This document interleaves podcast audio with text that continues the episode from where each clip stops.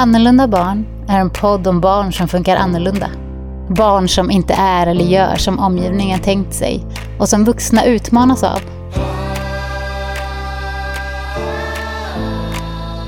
Den här podden är för dig som träffar de här barnen. Kanske är det dina egna, kanske är det andras. Oavsett så finns det sätt att tänka på och saker som kan vara bra att veta eller påminna sig om som gör både din egen och barnens tid här på jorden lite enklare att hantera.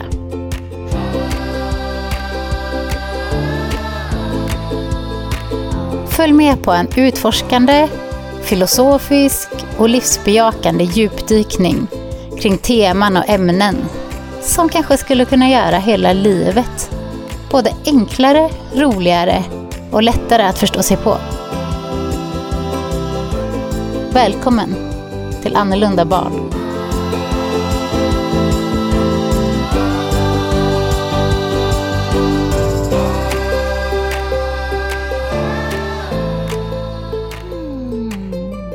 Oh my god. Wow. Det här är en sån fin resa för att utveckla självkärlek för mig. Jag tänkte på det häromdagen när jag skottade snö, resan med den här podden.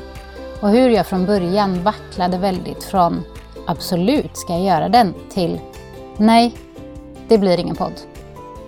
Motståndet var vackert på något sätt. I alla fall nu i efterhand. Som ett skydd mot något. En rädsla såklart. Rädslor är ju skydd. Och även om den ibland, eller ganska ofta, faktiskt i slutändan riskerar att bli ganska så destruktiv, så är grunden alltid på något sätt omtanke och kärlek. Jag tror jag måste prata mer om det längre fram. Men det jag framförallt tänkte på var känslan som kom till när jag skulle börja spela in min egen röst. Så himla jobbigt. Jag fick verkligen jobba på min acceptans för mig själv, mitt uttryck, hur jag låter. Jag kan tänka mig att ni känner igen det. Jag är tacksam för att jag började utsätta mig för att göra live-videos på Facebook för några år sedan. Det var samma motstånd. Men sen landade jag i någon form av skitsamma.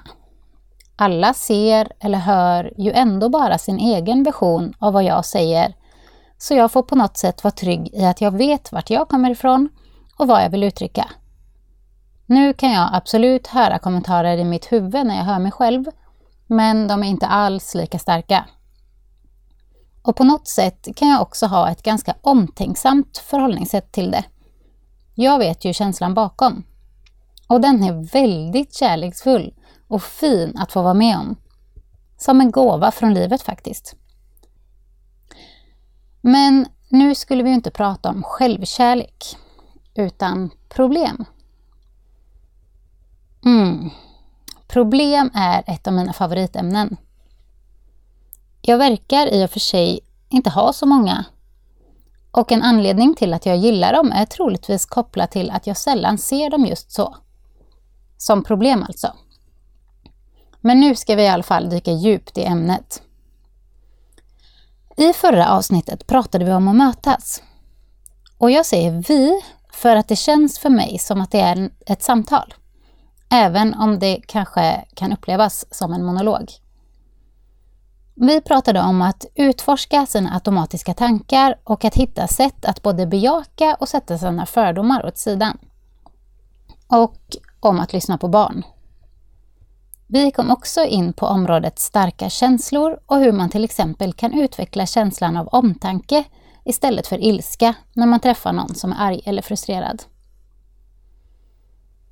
Jag vet att jag också nämnde att jag jobbar med barn som har problem. Och jag minns att jag inte kände mig helt bekväm med att uttrycka mig så. Men ibland måste man bara gilla läget och använda de ord som finns till hands. Så, nu vill jag passa på att berätta lite om varför det var så obekvämt. Det är ju absolut inte så att de här barnens vardag är oproblematisk. Men ibland, eller ganska ofta, så kan man fundera över vem som egentligen har eller äger problemet. Och vad det är som är problemet egentligen. Ett ganska tydligt exempel är en pojke som jag fick ett telefonsamtal om en gång. Han hade slagit ett annat barn med något som han hade i handen. Och det får man ju inte. Det blev problem. Föräldrarna till det andra barnet blev såklart upprörda och personalen i skolan ville ha hjälp att prata med honom om att man inte får göra så. Och jag vet att vissa föräldrar ofta får den typen av samtal. Men jag blev nyfiken på vad som egentligen hände. Det visade sig att en grupp barn samlats utanför en låst dörr.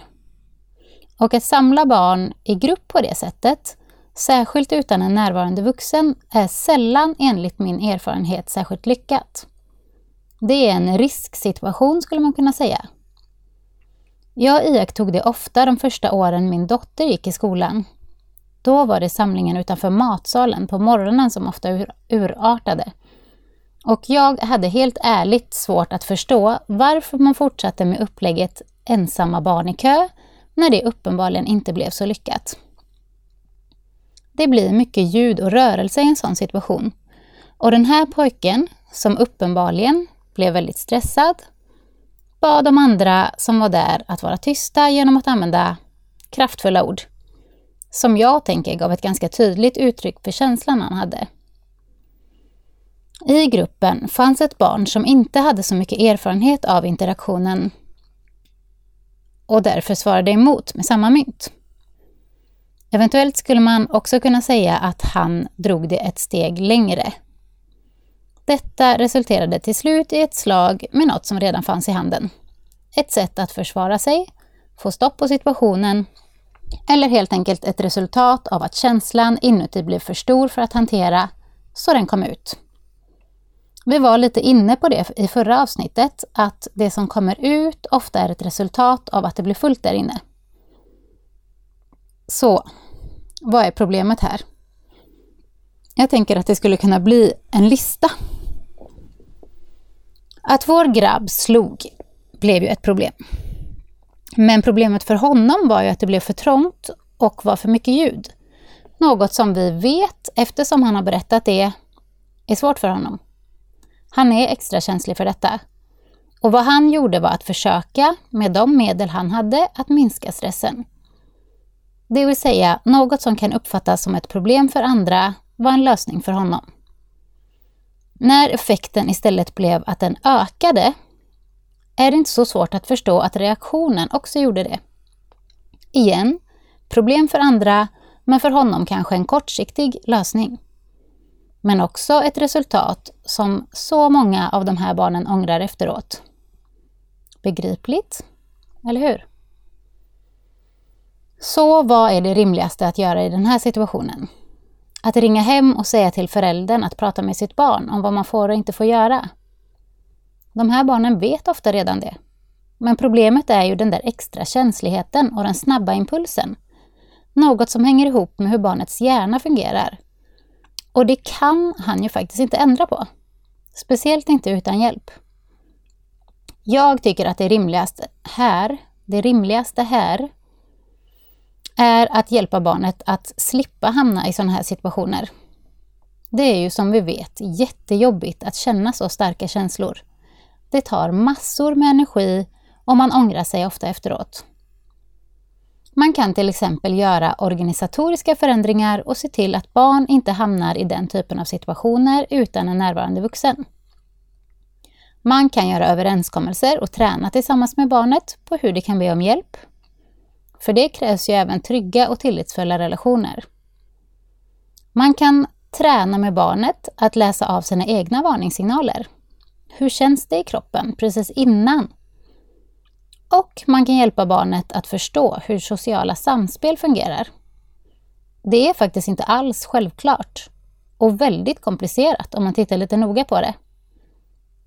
Jag tänker att ägaren till det här problemet faktiskt inte är barnet. Det kan inte påverka om dörren är låst eller om det finns vuxna i närheten. Det kan inte heller hantera situationer som blir för svåra utan stöd. De som kan göra något åt det här är de vuxna runt omkring och läraren gjorde i det här fallet ett fantastiskt jobb och det hela landade i både bättre relationer och större förståelse för vår grabbs svårigheter. Ett annat fantastiskt fint exempel är ett samtal jag hade med ett barn för några år sedan. Han har som många andra barn jag träffat stannat kvar i mitt minne och jag tänker på honom lite då och då och undrar hur det går. Som med så många andra. Det här var ett barn jag skulle träffa utifrån en liknande situation. Han hade betett sig våldsamt och hotat en lärare. I det här fallet hade jag ynnesten av att få träffa och prata med barnet och jag var såklart väldigt nyfiken på hans perspektiv av den historia som jag än så länge bara fått från skolan. Föräldrarna var lite skeptiska. Det är ju lite av föräldrars roll att vara eftersom barnet inte var den pratsamma typen. Men de kom i alla fall och en timme senare hade jag fått höra hela historien. Jag håller nog inte helt med om det där med om han var pratsam eller inte. Historien började med att barnet kände sig avvisad av sina kamrater. Han försökte skapa kontakt, men blev avvisad igen. Vilket skapade en arg känsla. Han jagade sedan de här kamraterna för att prata med dem. Kanske inte på det bästa sättet, och det visste han ju redan. Och detta ledde till att han då blev stoppad av en lärare som inte hade tagit del av överenskommelsen kring hur personalen skulle stötta honom i de här situationerna. Inte heller helt ovanligt. Kommunikation är ju svårt. Det här slutade i alla fall med att han upplevde sig bli knuffad ner för en trappa där han slog svanskotan i stengolvet. För sakens skull kan ni väl passa på att försöka komma ihåg känslan av att slå sig på liknande sätt. Jag har faktiskt själv upplevt en känsla likt att känna sig kränkt när jag till exempel slagit huvudet i en skåpsdörr eller liknande. En jobbig och väldigt utsatt känsla. Speciellt i den här situationen. Han gick efter ett tillhygge. Han uttryckte själv att känslan var att han ville göra den andra illa. Men valde själv att slänga iväg det och istället gå till det rum han hade tillgång till för att lugna ner sig. En fantastiskt bra lösning tyckte jag. Så vad händer om vi bara här fokuserar på det vi ser som problem och inte alls tar reda på vad som var problemet för den andra? Jo, vi skuldbelägger och fokuserar på barnets svårigheter. Vi talar om för barnet vad det inte är bra på, trots att barnet faktiskt försökt hitta lösningar. Det här ökar känslan av att det är ingen idé att försöka, vilket riskerar att öka problemen framåt. Om vi istället lyssnar och bekräftar det som faktiskt var försök till lösningar, så finns det en ganska stor möjlighet att även komma vidare till frågan om hur vi tillsammans kan göra det bättre nästa gång. Vi ökar känslan av självkontroll och främjar mer av det beteendet. Ganska enkelt.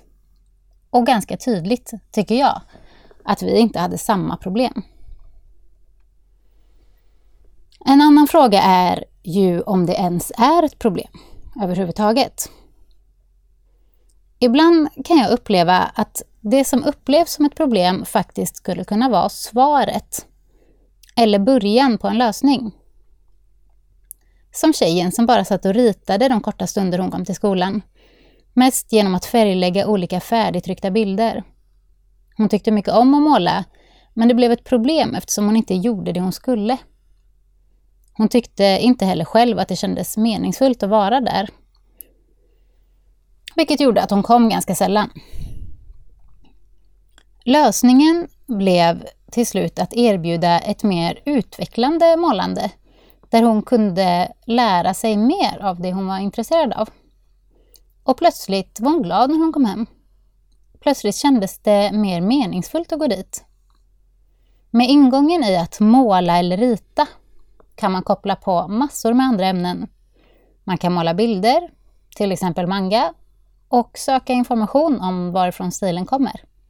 Lära sig mer om landet, mäta proportioner. Kanske finns det framstående tecknare man kan lära sig mer om och man kan också berätta om det man har lärt sig för andra. Man kan skriva texter till det man målar eller rita till en text man läst. Ja, ni kan säkert komma på ännu fler idéer själva. Nu vill hon i alla fall gå till skolan och kan till och med tänka sig att vara där lite mer. Ritandet var alltså inte ett problem, utan en lösning. Och jag har fler liknande exempel. Jag tänker att något som skapar problem för de här barnen ofta är känslan av att vara annorlunda. Inte helt ovanligt uttryckt från dem själva. Att känna sig som ett UFO. Att inte bli förstådd. En anledning till att vi faktiskt behöver prata om det här. Väldigt mycket. Attention, som är en intresseorganisation för personer med neuropsykiatriska funktionsnedsättningar, visade i en undersökning att över 80 procent av kvinnor med ADHD någon gång funderat på att avsluta sitt liv. Anledningen var till störst del att de kände sig missförstådda och de orkade inte med den känslan. Jag har hört det från barn också och det är allvarligt. Vi har barn i Sverige som tar livet av sig. Och det är ett riktigt problem som jag ser det. Varför ska det vara så svårt att förstå? Varför ska det vara så svårt att skapa en plats där alla kan vara med? Jag tror att det hänger ihop med att den här typen av funktionsnedsättningar är osynliga och att vi kanske har lite bråttom. Vi kanske inte hinner stanna upp och ta oss tid att sätta oss in i ett annat perspektiv. Det är lite enklare för de flesta att förstå att det blir problem för personer med tydliga funktionshinder, till exempel om man sitter i rullstol. Men även där kan det ju bli svårt ibland. Jag har ju till exempel inte den erfarenheten och kan säkert inte komma på alla situationer där man stöter på svårigheter om man inte kan gå. Men jag har ju lätt att se att det kan bli svårt med trappor, att komma in i bussar och tåg, att nå saker som står högt upp och ta sig fram på platser som inte är anpassade. Och säkert också att man blir bemött på ett annat sätt än gående människor. Men för någon med en annan typ av hjärna så blir det svårare. Vi förväntar oss att de ska klara av saker som de inte kan klara av och eftersom vi inte ser varför det inte funkar så fortsätter vi att skuldbelägga barnet. Vi vill att barnet ska ändra sig istället för att anpassa omgivningen så att det funkar. Lite som att skuldbelägga en rullstolsbunden för att inte kunna gå i trappor. Vad är den mest konstruktiva lösningen? Liksom? Att förvänta sig att personen ska börja gå eller att sätta dit en ramp. Jag har massor med exempel på att barn fungerar när de får rätt förutsättningar. Jag har sett det flera gånger. Hur barn blir ett problem, sedda som omöjliga, uteslutna, arga, ledsna, frustrerade. För att i ett annat sammanhang plötsligt fungerar helt okej. Okay. Är det då barnet eller miljön som är problemet? I min värld är inte barn problem. Aldrig. Jag har aldrig under alla år träffat ett barn som är ett problem. Och jag kommer aldrig att godta det perspektivet. Precis som vi var inne på när jag jämförde människor med maskiner i ett tidigare avsnitt, så är ett beteende alltid logiskt utifrån det sammanhang och de förutsättningar som finns. Förstår vi inte får vi anstränga oss bättre. Eller erkänna att vi inte vill veta. Själv är jag inte speciellt intresserad av att lära mig att förstå bilmotorer. Men jag skulle ju aldrig skylla på motorn för att jag inte får ihop det. Jag erkänner att jag inte är intresserad och ber någon annan om hjälp. Det är en anledning till att jag aldrig skulle söka jobb i en verkstad. En bra fråga att ställa sig när man upplever problem är om det verkligen finns i verkligheten just nu. För mig är det oftast där det liksom smälter och suddas ut. Problem i dåtiden kan ge sig till känna i saker vi ångrar, minnen, något vi önskar hade fallit ut på ett annat sätt än det gjorde. Och inte för att vara sån, men eh, det är ganska verkningslöst att lägga massa energi på något vi inte kan ändra på. I alla fall inte genom att gräva ner oss eller älta. Det jag upplever hjälpsamt i förhållande till något som redan hänt är att se om det finns fler perspektiv att använda för att förstå det som hände. Kan det vara så att du faktiskt gjorde så gott du kunde, men det gick inte fram? Kan det vara så att din intention var en annan än den som uppfattades av den andra personen? Kan det vara så att någon annan faktiskt inte gjorde dig illa med avsikt? Kan det till och med vara så att du lärde dig något värdefullt av det? Att kris är utveckling är kanske inte ett nytt begrepp och inte så lätt att känna när man är mitt i stormen, men efteråt.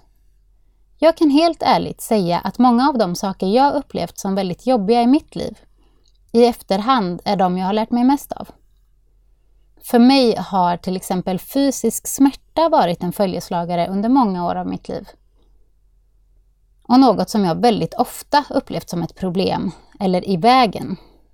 Jag har skyllt massor av mina begränsningar på min kropp. Och så här i efterhand har jag bett om ursäkt så många gånger. Det jag har lärt mig om min kropp kunde jag nog inte ha lärt mig på något annat sätt. Det var en hård lärare, men jag var uppenbarligen en ganska enveten student. En liknande upptäckt gjorde jag när jag separerade från mina barns pappa. Jobbigt, absolut. Men med upptäckter och lärdomar som jag definitivt har fått hjälp att växa av. Problem i framtiden är de som skapar oro inom oss. Oro och stress och motstånd. Ni känner säkert igen det. Men är det verkligen ett problem just nu? Händer det just nu? Eller är det just nu faktiskt bara tankar i mitt huvud? Jag har ofta upplevt i kontakt med föräldrar, barn, skolpersonal att det som vi pratar om som problem faktiskt egentligen handlar om något vi tror kommer hända i framtiden. Lite som att vi tror oss kunna sia framtiden. Vi skapar en bild av var vi kommer att landa utifrån hur vi uppfattar situationen vi är i och vi oroar oss för den bilden. Det är ett litet gulligt beteende människor har faktiskt. Vi skapar hela tiden så många bilder av hur vi tror att det kommer bli och vi oroar nästan ihjäl oss för att det ska bli så. Det här är också grundfunktionen till olika typer av ångest. Om ett barn just nu till exempel inte klarar av att gå till skolan. Är det ett problem i den här stunden? Det skulle kunna vara det om jag som förälder har behövt stanna hemma under en lång tid, maten är slut och vi inte längre har något boende eftersom vi inte kunnat betala hyran. Men för det mesta går det ju inte så långt. Vi kanske oroar oss för att det ska bli så. Bilden av i värsta fall men just nu, är det verkligen så? Vi skulle också, vilket är rätt vanligt, kunna skapa en bild av att barnet kommer få problem i framtiden. Men det händer ju inte heller just nu. Just nu, om man stannar upp och blundar, tar några djupa andetag, lyssnar en stund på fåglarna eller tar sig tid att på riktigt vara närvarande med sitt barn, så är det sällan problem.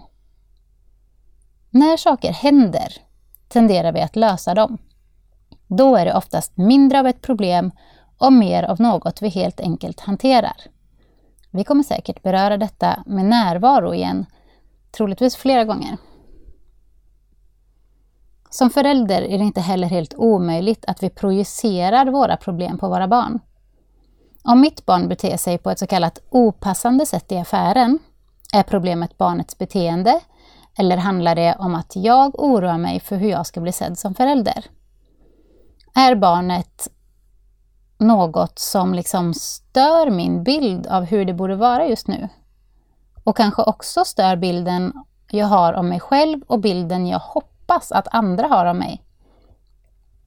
Om mitt barn är långsamt på morgonen och riskerar att komma för sent, jag blir stressad och sur.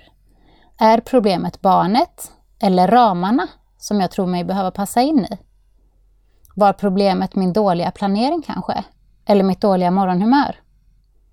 När vi tillför press på barn, stress till exempel, så tenderar de att bli långsammare. jag har provat så många gånger att jag tänker att jag borde ha ett statistiskt hållbart underlag för mitt antagande. Är barnet problemet eller är det jag? Jag skulle nog drista mig till att säga att sanningen är att en stressad förälder är ett större problem för barnet än vad barnet någonsin kommer vara för föräldern. Helt ärligt, hur ofta använder vi våra barn som en undanflykt från att titta på något som egentligen handlar om oss själva? Lite som jag använder min fysiska smärta. Hur ofta blir barnet ett problem i skolan när skolan egentligen är problemet för barnet? Hur ofta hamnar vi i spiralen av lösningar och problem? Där mitt problem och snabba lösning, klockan blir för mycket, nu är det läggdags pronto, blir ett problem för barnet som blir frustrerad över att inte få avsluta det de håller på med och löser detta genom att agera ut, gömma sig, plötsligt bli hungrig för att dra ut på tiden, vilket blir ett problem för mig. Jag blir sträng, säger att de måste lyssna bättre, att de blir av med skärmtid, det vill säga skapar problem för barnet med känslor av att bli orättvist behandlad och så fortsätter vi så. En bättre lösning hade kanske varit att gilla läget. Idag blir jag sen. Jag varnar barnen. Ger dem en extra kvart. Kollar om de är hungriga. Ger dem lite extra omtanke och ber dem att fundera på vilken bok, sång, saga de vill höra innan de somnar. Exemplen är många. Speciellt runt barn som är annorlunda. Som kanske reagerar på sätt vi inte känner igen om vi inte verkligen öppnar upp för det. Ett annat exempel skulle kunna vara från skolan. Barnet har en jobbig dag. Något har hänt hemma, med en kompis. Det gick inte att sova. Men hen tar sig ändå till klassrummet. Det är jobbigt men fungerar om luvan är på. I vanliga fall är det okej, okay, men idag har klassen vikarie och för hen blir det ett problem att barnet har luva.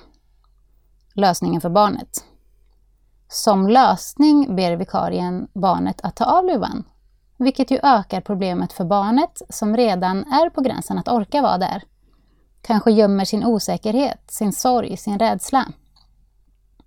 Eftersom människor har ett stort behov av att skydda sig kommer barnet behöva hitta en ny lösning. Låtsas att det inte hör kanske. Men stressen har redan ökat, känslan av hot för att bli utsatt inför klassen. Det blir hur som helst ett problem för vikarien som inte känner sig respekterad och behöver hävda sin makt och status på något sätt. Även det är en mänsklig funktion. Vikarien går fram till barnet och tar av luvan, vilket gör att problemet för barnet ökar drastiskt med känslan av utsatthet. Barnet kanske löser det genom att slå efter vikarien. För mycket känsla på insidan kommer lätt ut och barnet har försökt låta bli precis det där. Vikarien blir arg. Begripligt om man inte ser vad som verkligen händer. Höjer rösten ytterligare. Barnets känslor blir för starka att hantera och hen försöker lösa det på bästa sätt genom att ta sig därifrån, istället för att agera ut mer. Därför lämnar han klassrummet. Problemet och känslan av att inte bli respekterad ökar hos vikarien som följer efter vilket ökar problemet hos barnet som försöker hitta den bästa lösningen utifrån sina för starka känslor. Barnet känner sig trängd och kastar en stol mot vikarien. Nu har snart även rektorn problem. Och vi skulle kunna fortsätta. Men jag kan tänka mig att ni själva kan fylla på med möjliga fortsatta problem och lösningar utifrån förståelsen för den enskildas känsloläge. Vad vi eventuellt skulle kunna vara överens om är att det inte blir så bra och att ex exemplen är många. Och det känns inte speciellt bra för någon av dem. Båda kommer gå hem och känna att den här dagen blev inte som jag hade önskat. Mitt bästa verktyg i de här och de flesta andra situationer är nyfikenhet. Både på mina egna reaktioner och på andras beteende. Lite Oj, vad händer nu? Det där var en stark känsla. Jag undrar vad den handlar om egentligen. En bra grej att göra både för sina egna och andra starka känslor är att sakta ner och ge dem en paus. Eventuellt också sätta ord på dem. Oj, vad jag känner mig stressad nu. Jag blir tydligen ganska trött i huvudet av den höga ljudnivån i klassrummet. Hur känner ni? Oj, du verkar ha en jobbig känsla just nu. Behöver du ta en paus? Eller, jag vill gärna förstå vad det var som hände. Kan vi prata om det lite senare när det känns bättre? Vad skulle det perspektivet få för effekt på fortsatta känslor? Pausa gärna en stund och känn efter. Att iaktta och samtala med sina känslor är ett fantastiskt bra verktyg för mig och hjälper även för att lättare förstå andras. Jag kan lättare känna igen känslan hos någon annan och utveckla förmågan att känna omtanke för deras känsla eller beteende istället för att ta det personligt, gå i försvar och kanske oavsiktligt fylla på med samma sak.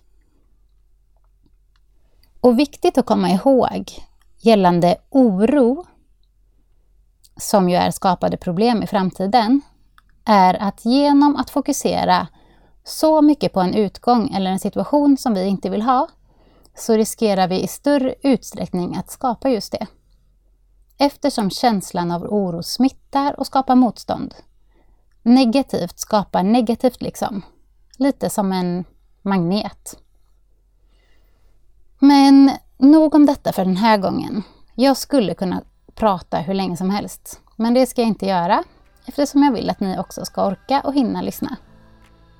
Jag hoppas att allt detta resonemang inte skapade problem eller motstånd i dig som lyssnar. Hela poängen är ju att hitta strategier som gör interaktionerna lättare och relationerna bättre. Mer lösningar, mer flöde. Absolut inte att skapa känslor av skuld eller skam. Det finns inget hjälpsamt i de känslorna i det här sammanhanget. Och det för oss tillbaka till resonemanget i inledningen. Självkärlek eller självomtanke. Att landa i det där som ligger bakom orden och tankarna. Nyfikenhet. Stress är ett uttryck för något. Frustration är ett uttryck för något. Vad handlar det om? Vad längtar jag efter? Varför reagerar jag som jag gör?